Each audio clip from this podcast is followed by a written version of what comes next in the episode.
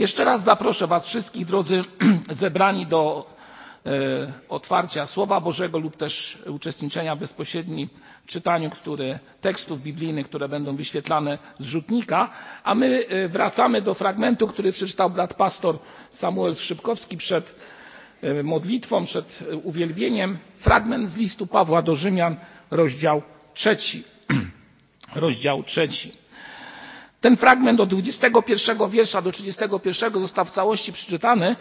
Ja zaś pozwolę sobie przeczytać e, cztery wersety z tego fragmentu. Jeszcze raz.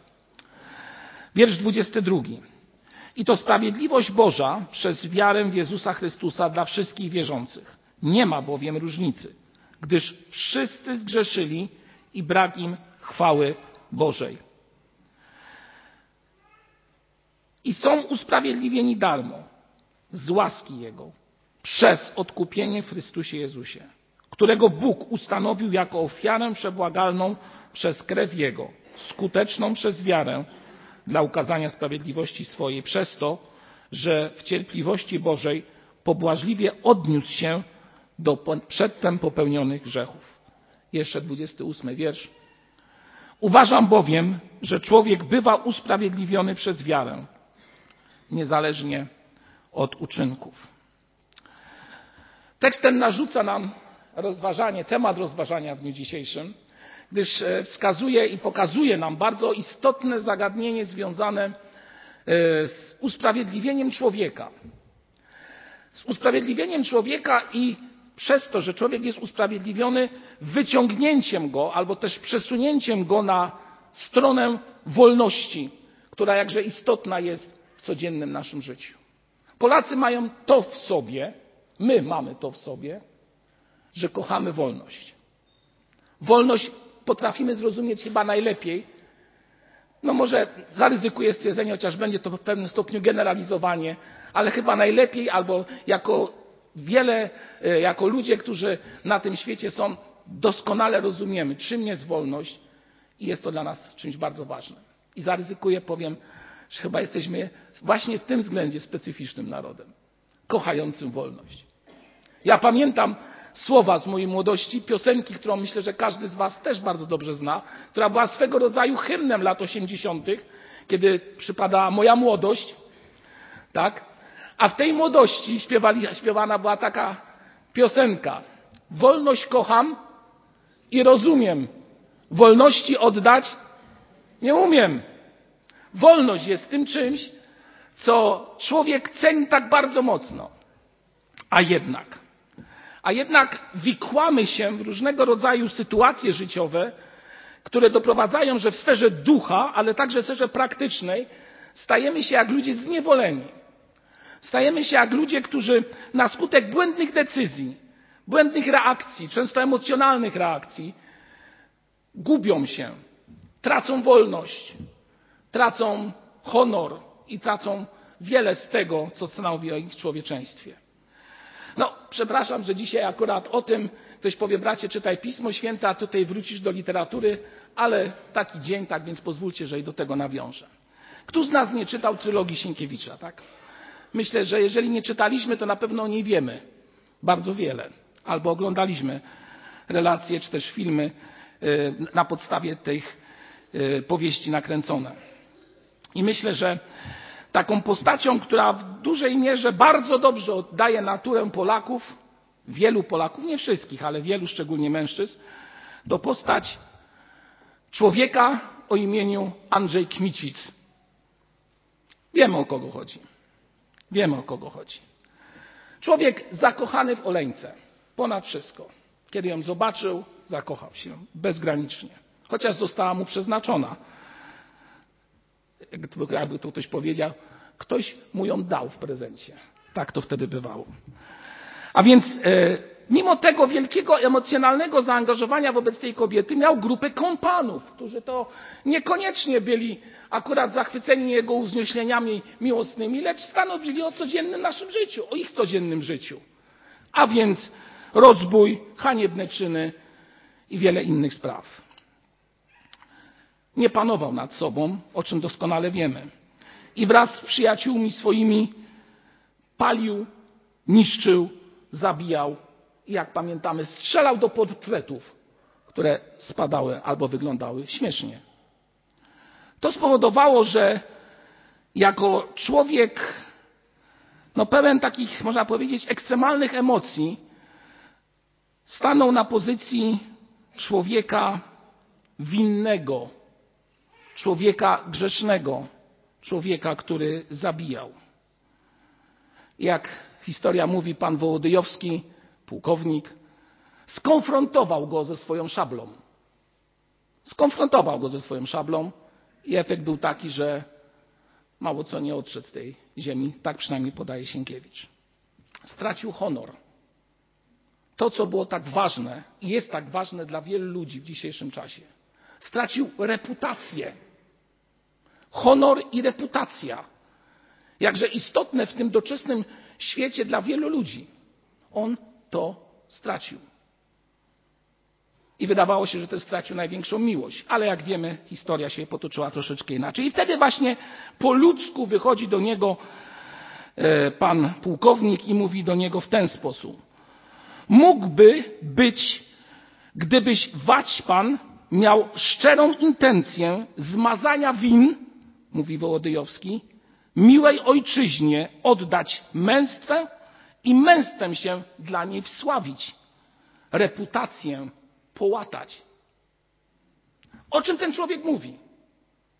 O czym ten człowiek mówi, o, cytując, znaczy, gdy czytałem, e, gdy przedstawiałem jego słowa wyciągnięte z księgi z powieści Sienkiewicza. Mówi o dwóch sprawach. Miłej ojczyźnie służ, tak? Męstwem się wsław, reputację połataj, czyli napraw. Moi drodzy, jest to typowo ludzkie myślenie dotyczące kwestii winy. Gdy człowiek jest winny jakiejś sprawy, wobec kogoś zawinił konkretnym czynem, trzeba tą winę co? Odkupić. Tak myśli człowiek. Trzeba coś, co zrobiłeś złego, odkupić czynem, który zasłoni to, co jest złe. I wiemy, że z historii to się staje udziałem w jakim stopniu tego człowieka. Wina w jego rozumieniu, przynajmniej czy też reputacja i honor zostaje w jakimś stopniu odpokutowana. Ale moi drodzy, to wszystko dzieje się w dużej mierze w kwestii tak zwanej w kwestii doczesnej perspektywy, doczesnej płaszczyzny. Co działo się w jego wnętrzu, jeżeli faktycznie byłaby to postać faktyczna, a niektórzy mówią, że wzorował się na kimś, to można by powiedzieć, że ten wątek duchowej przemiany, który jest w jakiś sposób przedstawiony, nie jest bezpośrednim przełożeniem tego, co spotykamy w Piśmie Świętym, tylko jest wątkiem tak zwanego nawrócenia na modłę ludzką, odpokutowania przez czyn czegoś. A Pismo Święte mówi zupełnie o innej sprawie. Owszem, są dwie rzeczy spójne, a mianowicie bohater przeze mnie opisany był winny, był grzeszny, jego grzechy były jawne. Lud widział w nim człowieka złego. Widział w nim człowieka złego. Często jest tak, że gdy patrzą osoby na nas, widzą, że jesteśmy ludźmi może nawet i wspaniale pobożnymi, modlącymi się. Jesteśmy w kościele. Ale zadam pytanie: czy jesteśmy ludem czującym, czy też przeświadczonym o tym, że nie ma w nas żadnej winy? Że jesteśmy ludem bezgrzesznym? Nigdy nic złego się w naszym życiu nie stało, nie zawiniliśmy? Myślę, że każdy, ty i ja, mamy świadomość tego, że czy to w myślach, czy to w czynie, czy to w różnych sytuacjach zawiniliśmy. I poczucie winy gdzieś tam w nas siedzi. A więc jak wyjść? Wyjść z miejsca, w którym jestem, gdzie poczucie winy tak mocno jest gdzieś tam w naszych sercach zakorzenione, aby być ludźmi wolnymi, prawdziwie wolnymi, a nie tylko wolnymi docześnie. Wolnymi w Jezusie Chrystusie. I to jest takie, można powiedzieć, pytanie, które stawiam dzisiaj podczas tego rozważania i które Wam, bracia i siostry, chcę właśnie przedstawić. Pismo Święte mówi, że nie jedna droga zda się człowiekowi prosta, w końcu prowadzi gdzie? Na zatracenie do miejsc, które niekoniecznie są dobre. Wydawała się, że jest ok, że jest wszystko bardzo dobrze. Dobre czyny, dobre zachowania, wpłaty, które często człowiek daje, bardzo często z serca. To wszystko dobre reakcje. Tylko czy te reakcje, które są w naszym sercu, doprowadzają do tego, że to, co jest sednem naszego duchowego życia, przeświadczenia, że zostało nam przebaczone, faktycznie dzieje się w Twoim i moim sercu? Człowiek pragnie przebaczenia. Człowiek pragnie oczyszczenia winy. Człowiek pragnie tego, aby być wolnym w sferze ducha, nieobciążonym winą starego życia, przeszłości i wielu innych spraw, które stanowią o nas samych. Chcemy tej wolności. Pragniemy. Tylko często nie wiemy, jak się do tego zabrać, aby tą wolność prawdziwie od Chrystusa otrzymać. Dlatego stosuje człowiek półśrodki. Stosuje nawet i heroiczne czyny, aby odpokutować swoją winę, aby coś zmienić w sobie. Ale to wszystko są tylko i wyłącznie półśrodki, moi drodzy. A prosta droga, o której będę mówił za chwilę, uważam, że znajduje się w Słowie Bożym. W Słowie Bożym, które zostało nam dane przez naszego Pana Jezusa Chrystusa. Pismo Święte mówi, gdyż wszyscy zgrzeszyli i brak im chwały Bożej. Nie ma ludzi lepszych i gorszych. Nie ma czegoś takiego, że pastor stojący w tym miejscu jest lepszy od pastora Samuela, który siedzi przede mną. Lub też od Ani, która siedzi tutaj po lewej mojej stronie. To nie jest prawda. Każdy z nas, każdy z nas ma po pierwsze przeszłość, po drugie ma swój świat duchowy i emocje, które są z tym związane.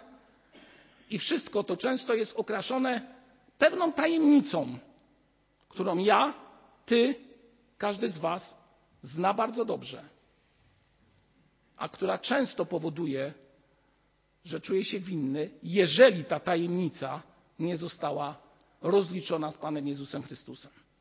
I to rozliczenie nie następuje przez heroizm postawy, tylko przez duchowe zaangażowanie się i stanięcie po stronie Jezusa Chrystusa. Spróbuję przedstawić Wam jeden obraz. Wyobraźcie sobie, że jako ludzie winni zostaliśmy zamknięci w celi więziennej. Czym się charakteryzuje cela więzienna? Przede wszystkim tym, że jesteśmy w odosobnieniu. Jeżeli jesteśmy bardzo winni, jesteśmy zagrażający drugiemu człowiekowi, siedzimy w tej celi nawet sami. Ma jednak dwie bardzo często rzeczy wspólne. Mianowicie są kraty lub też drzwi, które zamykają się za nami. No i okienne kraty, żeby jakieś światło dochodziło. Ale moi drodzy, powiem tak. Czytałem, że są tak zwane cele ekskluzywne. Tak, ekskluzywne.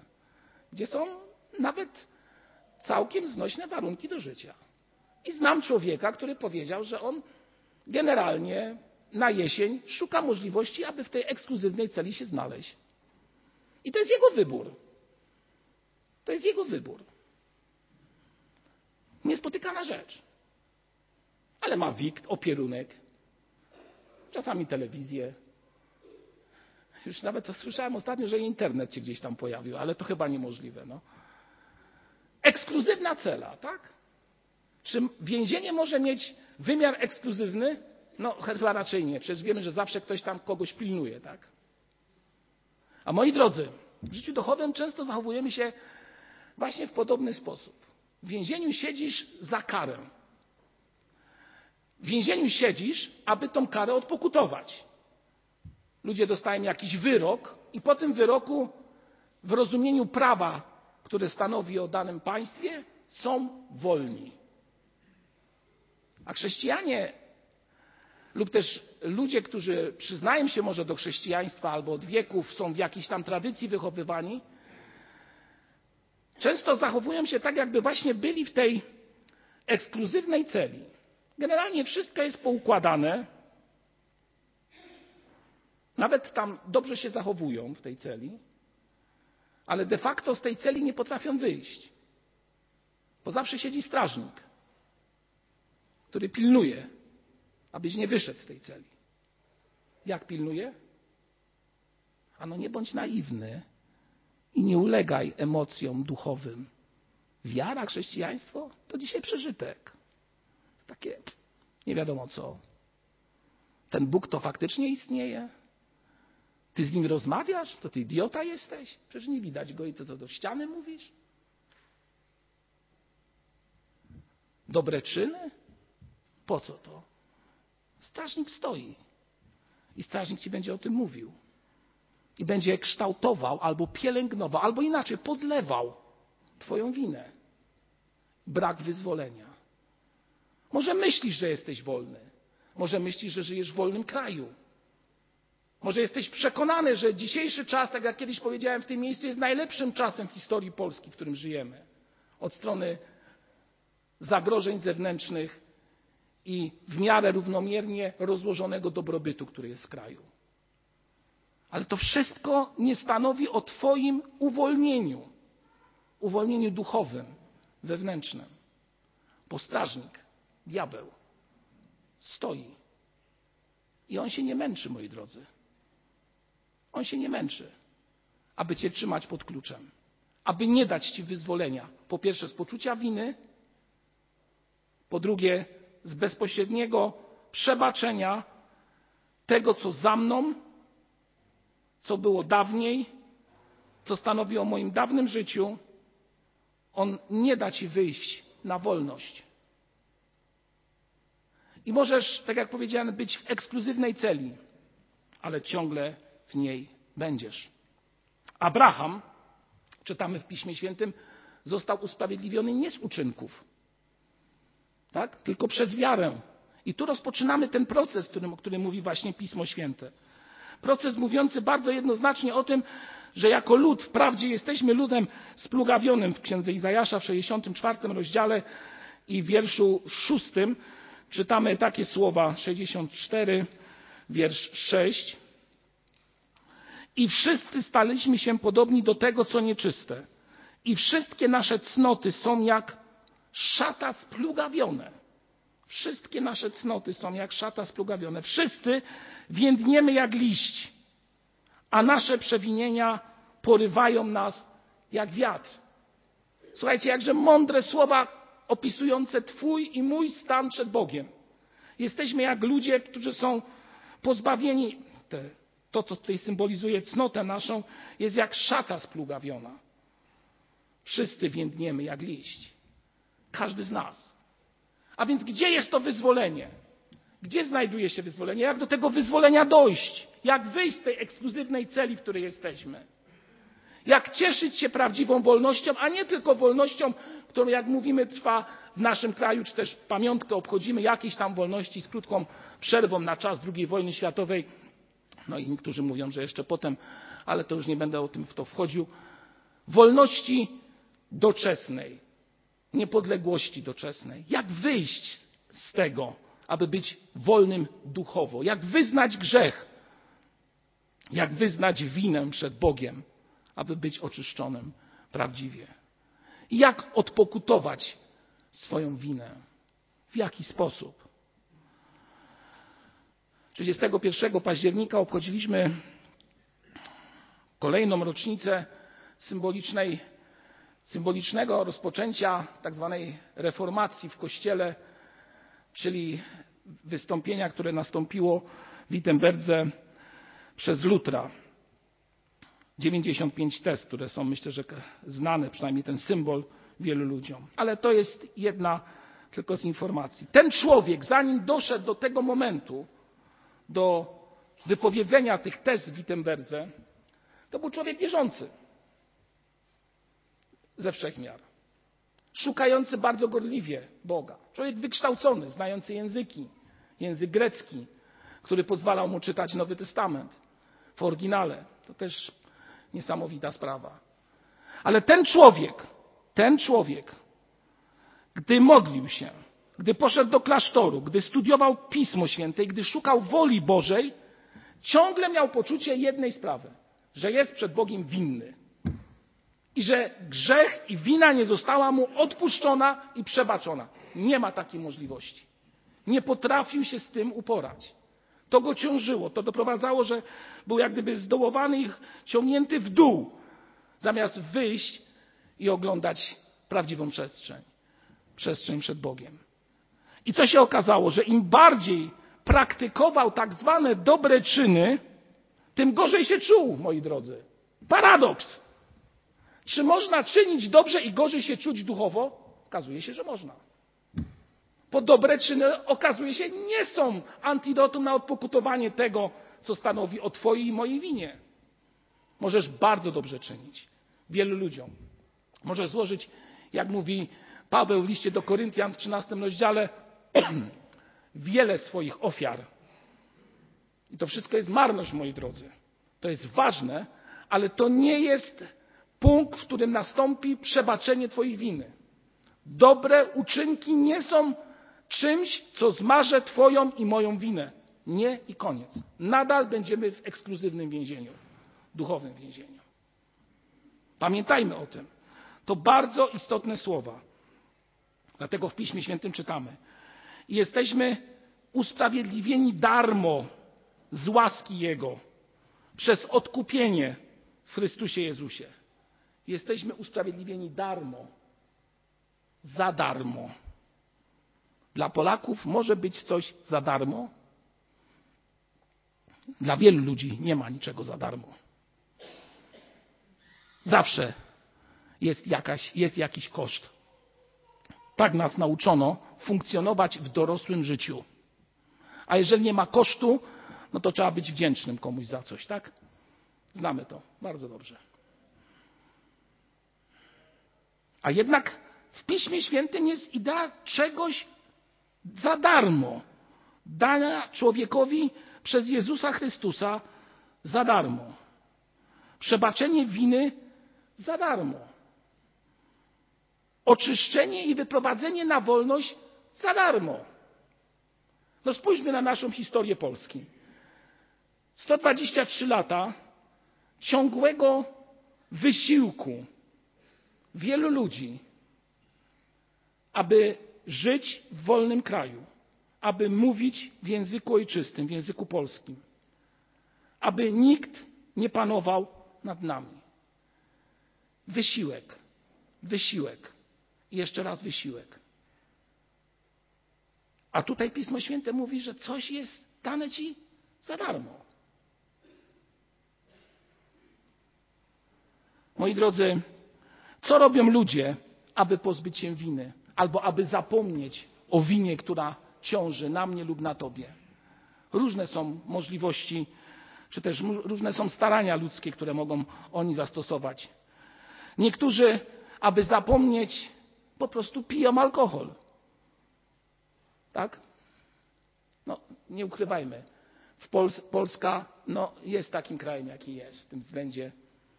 No właśnie. A więc pijemy alkohol. Młodzi, nie wszyscy, ale bardzo często, aby zapomnieć o czymś, albo aby dobrze się bawić, biorą używki. To pozwoli zapomnieć. Ale na chwilę. Niektórzy, aby zapomnieć, zatracają się w książkach. Są w jakimś świecie, które tworzy obraz zapisany na kartach jakiejś książki, powieści. Niektórzy, aby zapomnieć, idą się rozerwać do różnych miejsc, na przykład na jakiś film, czy też do teatru, no gdziekolwiek czasach Lutra ludzie, aby odpokutować, aby ich winy zostały przebaczone, co robili? Płacili gotówkę za to. Po prostu. Wina, idziesz do konkretnej osoby, dajesz pieniądze. I tak rozumiano w tamtym czasie, że masz przebaczone. Wina zmazana.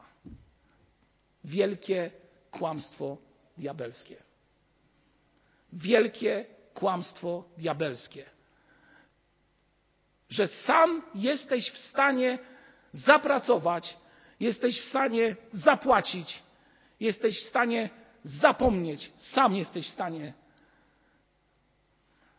uporządkować Twój wewnętrzny stan, rozprawić się z winą, która jest w Tobie. A więc mówię Wam, bracia i siostry, drodzy zgromadzeni, bardzo autorytatywnie i w pełnym przekonaniu, nie jesteś w tego sam w stanie zrobić. Nie ma szans. Nie ma szans. Jedyne, co możesz zrobić, to prosić Boga, aby On dokonał przebaczenia i usprawiedliwienia, które dokonuje się za darmo. A jaki jest klucz do drzwi więziennych? Aby wyjść na zewnątrz i móc patrzeć albo oddychać pełną piersią. Bo wiecie, co jest bardzo istotne?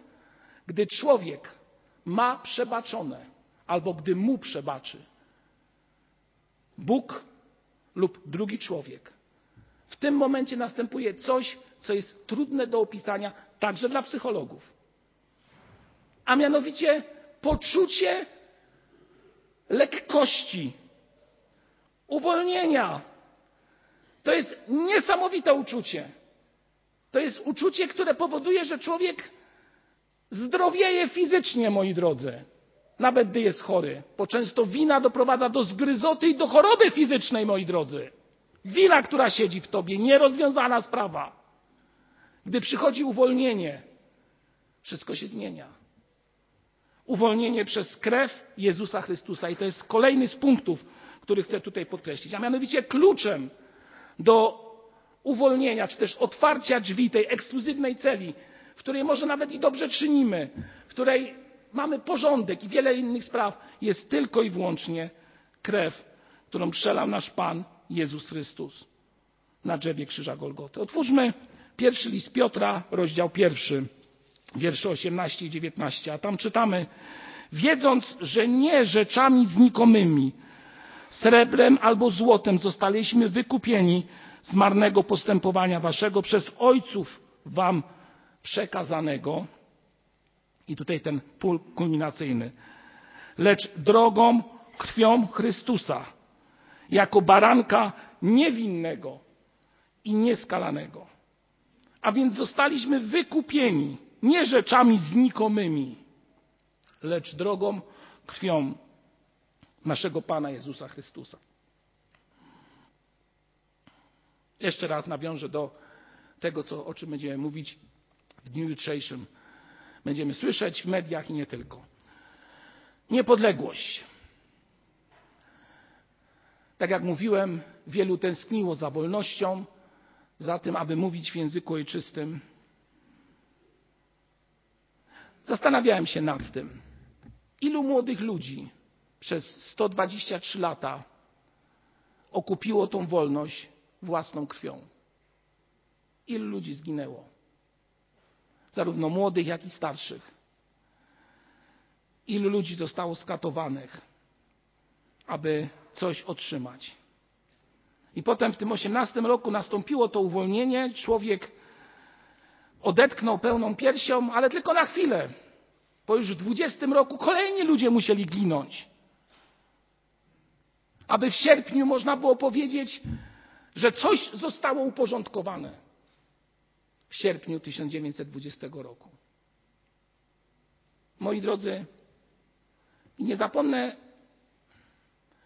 pewnej wypowiedzi matki, która w 1939 roku, żegnając swojego syna we wrześniu, płakała, mówiąc: Tylko 19 lat zadbałam o to, zbierała to do siebie, żebyś mógł w wolności żyć. I znowu będziesz musiał o tą wolność walczyć. I to jest historia naszego narodu ciągłej walki o tą ideę wolności, która jest w nas zakorzeniona. A jaka jest historia duchowa, Twoja i moja? Walki o wolność duchową, która jest w Chrystusie. Popatrzcie, tutaj Ty i ja nie musimy przelewać krwi.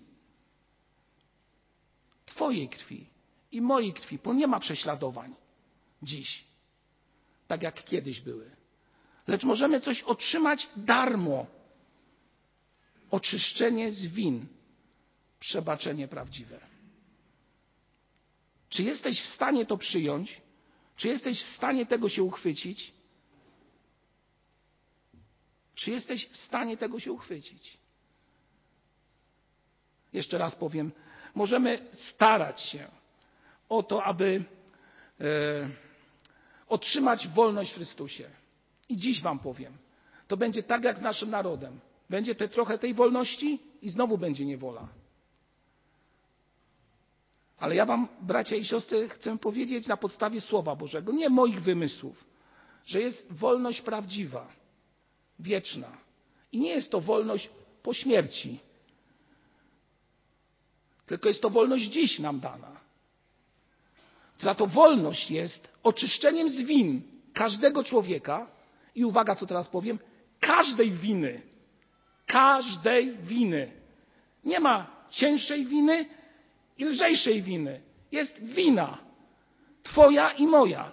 I to oczyszczenie następuje tylko i wyłącznie przez krew Jezusa Chrystusa i nie inaczej. Nie musisz tego szablą zdobywać. Nie musisz swojej reputacji naprawiać. Nie musisz stawać się człowiekiem honorowym na modłę ludzką, chociaż jest to ważne, aby takimi ludźmi być mimo wszystko. Ale możesz coś przyjąć prawdziwie, za darmo. I wtedy ta Twoja reputacja, jak powiedziałem, będzie połatana. Nie, ona nie będzie połatana. Ona będzie naprawiona. Po czym się charakteryzuje połatanie czegoś? Tym, że w każdej chwili to się może rozpróć. A kiedy Chrystus coś naprawi, to to jest wieczne. Jeżeli Chrystus ci przebaczy, to to jest wieczne. Jeżeli Chrystus zma zmarze Twoją winę, to co powiedział? Wszystko czyni nowym. Wszystko czyni nowym. Stare przeminęło. Oto wszystko stało się nowe. Takie proste, a jednak tak trudne do przyjęcia. Bo tak nas wychowano. I w tej tradycji trwamy, że musimy na wszystko zapracować, za wszystko zapłacić, wszystko, jak to ktoś powiedział, wyklęczeć na ołtarzu ojczyzny czy też jakiegoś innego ołtarzu. Nie, bracia moi drodzy. Możesz otrzymać coś za darmo przez krew Jezusa Chrystusa. Krew Jezusa Chrystusa. Jeszcze jeden fragment z listu do Hebrajczyków, rozdział 9 i wiersz 14. A tam czytamy takie słowa. 9:14. O ileż bardziej krew Chrystusa, który przez Ducha Wiecznego ofiarował samego siebie bez skazy Bogu, popatrzcie co tu jest napisane, oczyści sumienie nasze od martwych uczynków, abyśmy mogli służyć Bogu. I to jest ta różnica, którą chcę teraz zaznaczyć w konfrontacji z tym, o czym mówiłem wcześniej. Wielu chce służyć, czynić dobrze, aby podobać się Bogu. Pomyśli, że odpokutuje przez dobre uczynki coś przed Bogiem, swoją winę. A tutaj mówi się, że Bóg przez krew czyści Twoje i moje sumienie. I to jest tak. Służysz Bogu, dobrze czynisz, bo kochasz Boga, a nie po to, aby zmazać swoją winę. Pamiętajmy o tym. Dobrze czynimy po to, aby uwielbiać Boga, a nie po to, żeby zmazać swoją winę. Pamiętajmy o tym. To jest istota Nowego Testamentu i przesłania nowotestamentowego. Jezus zbawił nas i dał nam siłę. Dlatego, kiedy ten strażnik ekskluzywnej celi będzie ci mówił, nie zostało ci przebaczone, nadal jesteś grzeszny. Kiedy ci będzie przypominał stare grzechy, które przecież wyznałeś, a on to potrafi zrobić, moje, o tak, potrafi. A więc kiedy ci będzie przypominał stare rzeczy, które wyznałeś przed Bogiem, kiedy będzie ci mówił, że jesteś nic wartym człowiekiem i czy na pewno jesteś zbawiony, to wtedy właśnie odwołaj się do tego, o czym powiedziałem. A mianowicie uważam bowiem, że człowiek bywa usprawiedliwiony przez wiarę, niezależnie od uczynków zakonu. Pamiętajmy o tym. Dobrze czyńmy, ale aby uwielbić Boga, a nie aby zmazać swoją winę. Moi drodzy, wiele by można było mówić na ten temat, ale zachęcam Was, moi drodzy, przepracujmy to w naszej głowie. Przepracujmy to w naszych głowach. Jak wygląda poczucie winy, usprawiedliwienie, które się, dokonało się w Tobie przez krew Jezusa Chrystusa. Wyznanie, które wielu z nas dokonało. A więc wina to straszne więzienie. Krata, zapisałem sobie, to często nasze uczynki. Prawdziwa wolność to wolność w Jezusie Chrystusie. Wolny to nie znaczy, że robię co chcę i że idę gdzie chcę, bo wszystko mi wolno. Wolny, prawdziwie wolny człowiek to ten, któremu przebaczono winy. Ten jest wolny. Ten, który może oddychać pełną piersią. Bo gdzie Chrystus, tam prawdziwa wolność. Moi drodzy, zakończę tekstem z Ewangelii Jana z ósmego rozdziału, wiersz 31 i dalej. Ewangelia Jana, ósmy rozdział, wiersze 31 i dalej. Mówią więc, mówił więc Jezus do Żydów, którzy uwierzyli w Niego, jeżeli wytrwacie w słowie moim prawdziwie, uczniami moimi będziecie. I poznacie prawdę, a prawda was wyswobodzi. Odpowiedzieli mu, jesteśmy potomstwem Abrahama i nigdy nie byliśmy u nikogo w niewoli. Jakże możesz mówić, wyswobodzeni będziemy? Wielu Polaków tak mówi. O jakim ty Budziński dzisiaj wyswobodzeniu mówisz? A no właśnie o czymś takim. Jezus im odpowiedział, zaprawdę, zaprawdę powiadam wam, każdy, kto grzeszy jest niewolnikiem grzechu, a niewolnik nie pozostaje w domu na zawsze, lecz syn pozostaje na zawsze. Jeżeli więc syn was wyswobodzi, jeżeli syn Jezus Chrystus was wyswobodzi, prawdziwie powiedzmy to razem, wolnymi będziemy. Prawdziwie wolnymi będziemy. Amen.